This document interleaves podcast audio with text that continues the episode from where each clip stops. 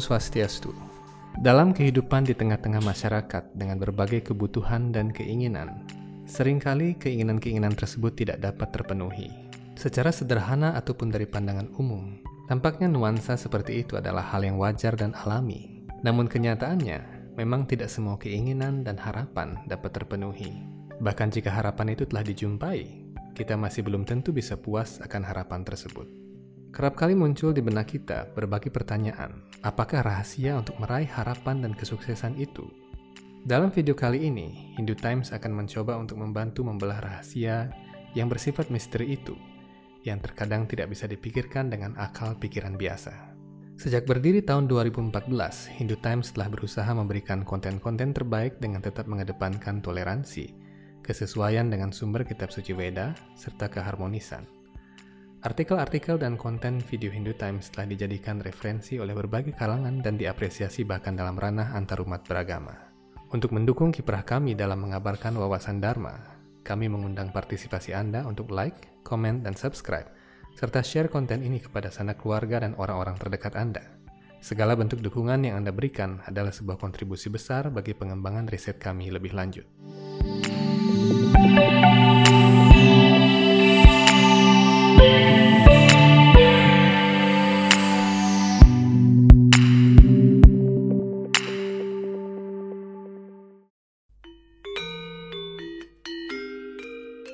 Sadar ataupun tidak, setiap orang pasti menghadapi masalah maupun halangan dalam kehidupan. Masalah itu bisa berasal dari dalam diri sendiri maupun dari luar diri sendiri. Bahkan, dalam kitab suci Weda, masalah juga bisa diakibatkan oleh kesalahan kita terhadap para dewa. Masalah yang berasal dari dalam diri, seperti rasa ego, iri hati, marah, benci, rasa semangat yang berlebihan, hayalan, kesedihan, dan sebagainya. Dari luar diri sendiri, masalah-masalah muncul sebagai bencana alam, bisnis yang tidak berjalan dengan baik, hubungan dengan orang lain, hubungan yang negatif dengan orang lain, dan sebagainya. Masalah-masalah tersebut adalah salah satu wujud dari ketidakmujuran. Seringkali ketidakmujuran itu dianggap sebuah penderitaan. Karena itu dalam bahasa Sanskerta, ketidakmujuran atau penderitaan itu disebut dengan istilah klesa. Sering kita dengar lantunan doa mantra oleh para pendeta yang selalu menyebut sarwa klesa vinasanam, yang artinya kurang lebih semoga segala ketidakmujuran atau penderitaan dimusnahkan. Di dalam ajaran agama Hindu, dijelaskan ada tiga jenis klesa. Yang pertama disebut adihatmika klesa atau gangguan yang disebabkan oleh diri sendiri. Ketidakmujuran yang lain adalah adidaiwika klesa atau gangguan yang muncul akibat ketidakpuasan para dewa karena kesalahan kita sebagai manusia. Gangguan-gangguan tersebut datang sebagai bencana alam dalam berbagai wujud. Gangguan ketiga disebut adibautika klesa atau gangguan yang berasal dari luar diri sendiri yang disebabkan oleh makhluk hidup yang disebabkan oleh makhluk hidup lain, apakah oleh manusia, binatang, dan lain sebagainya. Sebagai langkah antisipasi terhadap penderitaan tersebut, setiap orang perlu melakukan sesuatu yang mujur. Wujud dari pelaksanaan kegiatan yang mujur ini disebut dengan wastu. Oleh karena itu, dalam kitab suci Veda terdapat satu bagian ilmu yang disebut sebagai wastu sastra. Wastu adalah segala sesuatu yang mendukung segala usaha atau kegiatan manusia untuk meraih kemujuran, baik itu yang bersifat material maupun rohani. Karena itu segala sesuatu apa pun yang bisa mendukung keberhasilan dan kesuksesan yang dipandang baik secara material maupun rohani juga disebut dengan wastu. Segala sesuatu yang memberikan kemujuran, keberuntungan baik badan maupun roh juga disebut dengan wastu. Oleh sebab itu wastu sangatlah luas dan bersifat umum atau menyeluruh. Dan membaca kitab suci Weda adalah salah satu jenis wastu yang memberikan penyucian bagi sang roh atau jiwa. Ketika seseorang mandi dengan air yang bersih, menggunakan sabun, membersihkan badan yang bertujuan agar menjadi sehat, kegiatan-kegiatan tersebut juga adalah wastu.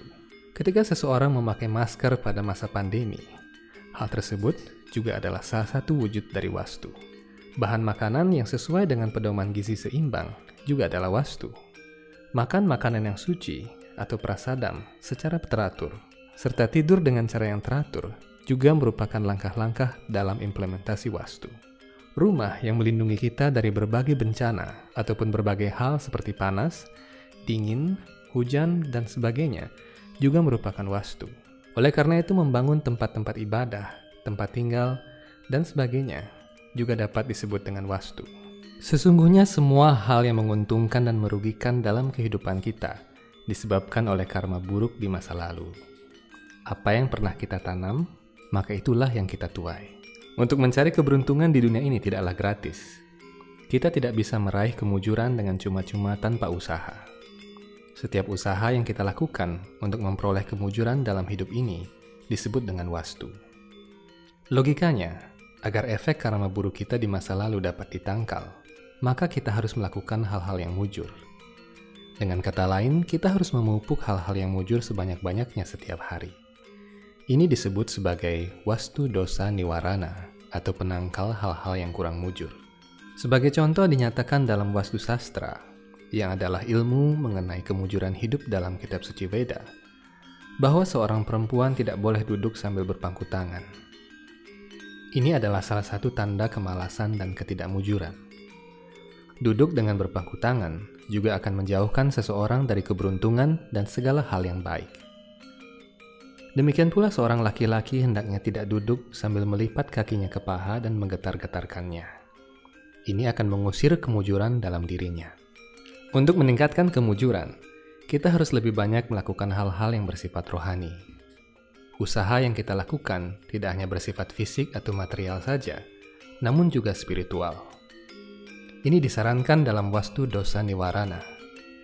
Tatkala seseorang diterjang berbagai penyakit, kesialan, ketidakstabilan emosi, dan berbagai prahara, maka ilmu wastu sastra menyarankan agar seseorang lebih banyak melakukan kegiatan rohani. Ada beberapa hal yang bisa dilakukan untuk memperoleh kemujuran di dalam kehidupan kita sehari-hari. Yang pertama adalah seseorang hendaknya bersembahyang setiap hari sesuai dengan keyakinannya. Umat Hindu biasanya bersembahyang tiga kali sehari, sedangkan umat yang beragama lain memiliki aturan persembahyangan yang berbeda-beda. Dengan bersembahyang setiap hari, kita mendekatkan diri kepada Tuhan dan menyesali perbuatan-perbuatan kita yang buruk di masa lalu. Hal selanjutnya yang dapat dilakukan adalah dengan mengucapkan mantra atau doa setiap hari. Ada banyak mantra dalam kitab suci Veda atau doa-doa pujian kepada Tuhan dalam kitab suci masing-masing agama. Di Hindu sendiri ada mantra-mantra yang bisa diucapkan sebagai sadana atau kegiatan rohani harian. Mantra yang paling ampuh adalah nama suci Tuhan, Semakin jelas seseorang mengucapkan atau berjapa nama suci Tuhan, semakin baik efeknya bagi badan, pikiran, dan jiwa. Selanjutnya, untuk meningkatkan karma baik kita, rajin-rajinlah berderma. Berderma artinya memberikan sebagian penghasilan kita ke tempat suci. Kita hendaknya menyisihkan rejeki untuk berderma ke tempat suci dan kepada orang suci atau brahmana secara teratur. Ini disebut daksina Daksina atau sumbangan kepada orang suci dan tempat suci hendaknya dilakukan pada hari-hari suci. Membaca kitab suci secara teratur di rumah juga merupakan langkah yang baik untuk meningkatkan wastu. Setiap rumah hendaknya memiliki kitab suci yang dibaca secara teratur oleh anggota-anggota keluarga. Kitab suci Veda Bhagavad Gita misalnya bisa dibaca secara teratur setiap hari. Bahkan dinyatakan dalam kitab suci Veda Gita Mahatmya bahwa apabila Anda mengucapkan satu ayat atau setengah ayat saja setiap hari, Anda mendapatkan karunia yang sama dengan penyelenggaraan korban suci besar. Kegiatan mujur yang lain yang dapat Anda lakukan adalah pergi ke tempat-tempat suci secara teratur. Jiwa kita memerlukan energi rohani agar dapat melalui samudra kehidupan yang ganas. Tempat-tempat suci memiliki energi rohani yang bisa meningkatkan daya jiwa Anda. Agar menjadi pribadi yang lebih positif, maka kita hendaknya bergaul dengan orang-orang yang berpikiran positif. Hindari terlibat dalam gosip, hate speech, atau pembicaraan yang tidak penting. Hindari juga bergaul dengan orang-orang yang pesimis, yang menjelek-jelekan orang lain, yang pikirannya selalu murung dan negatif. Hal penting lainnya adalah mengenai makanan. Untuk meningkatkan kesejahteraan rohani dan jasmani, makanlah makanan yang sehat dan rohani. Menurut ajaran Hindu, orang harus memperhatikan aspek spiritual dari makanan selain kadar gizinya secara material. Karena itu, makanlah makanan yang sudah dipersembahkan kepada Tuhan. Apabila makanan yang kita makan tidak terjamin secara spiritual, ini akan sangat mudah mempengaruhi pikiran dan watak kita.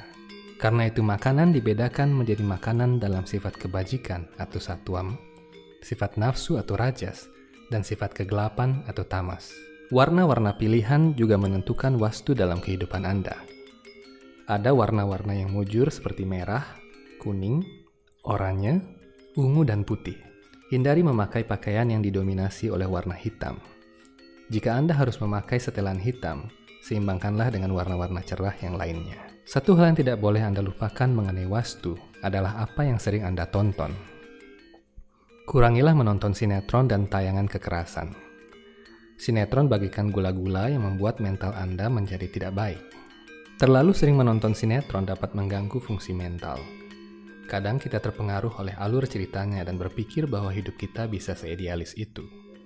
Sebagai gantinya, tontonlah acara yang mendidik. Pilihlah film dokumenter, cerita sukses, acara kreativitas, dan tayangan yang bisa menambah wawasan dan literasi Anda. Jika televisi tidak menyediakan acara bermutu seperti itu, matikanlah TV Anda dan bacalah buku. Hal terakhir yang bisa Anda lakukan untuk meningkatkan wastu dalam diri Anda dan kehidupan Anda adalah dengan selalu bersyukur. Ada banyak hal yang patut kita syukuri setiap hari. Anda masih bisa makan, masih sehat, masih bisa tidur nyenyak, memiliki anggota tubuh yang berfungsi dengan baik, serta memiliki keluarga yang utuh. Semua itu adalah hal sederhana yang sangat berharga dan patut disyukuri setiap hari. Janganlah selalu mengeluh tentang hal-hal kecil, karena itu akan mengurangi kemujuran Anda. Hari ini Anda dapat bekerja, Anda sehat, bisa makan dan minum, dan bisa tidur dengan nyenyak tatkala Anda lelah. Itu adalah hal-hal yang patut disyukuri, sebab ada jutaan manusia di belahan lain dunia yang tidak bisa mendapatkan hal itu setiap hari. Mengikuti aturan-aturan yang ada dalam wastu sastra bisa dikatakan adalah salah satu cara bagaimana mendidik diri kita sendiri untuk mendekati Tuhan. Bagi yang iman dan keyakinannya masih perlu ditingkatkan, bagi yang iman dan keyakinannya masih perlu ditingkatkan, mengikuti aturan dan petunjuk wastu sastra dimaksudkan agar bisa membantunya menjadi lebih baik dan pada saat yang sama tidak terkena reaksi dosa dari apa yang dilakukannya. Seperti halnya mempersembahkan makanan terlebih dahulu kepada Tuhan sebelum kita menyantapnya. Karena makan makanan suci adalah wastu yang dapat menyucikan diri dari reaksi dosa. Namun kita tetap harus mengingat bahwa wastu yang memberikan kemujuran untuk selamanya dengan pahala yang baik adalah kebersihan, kesucian, dan kejujuran. Sekian episode kali ini mengenai wastu. Sampai bertemu di episode-episode Hindu Time selanjutnya. Semoga Hindu senantiasa menjadi cahaya yang terang dan menjadi teladan bagi kedamaian, keharmonisan, kesucian, dan keberagaman dunia. Om Santi, Santi, Santi, Om.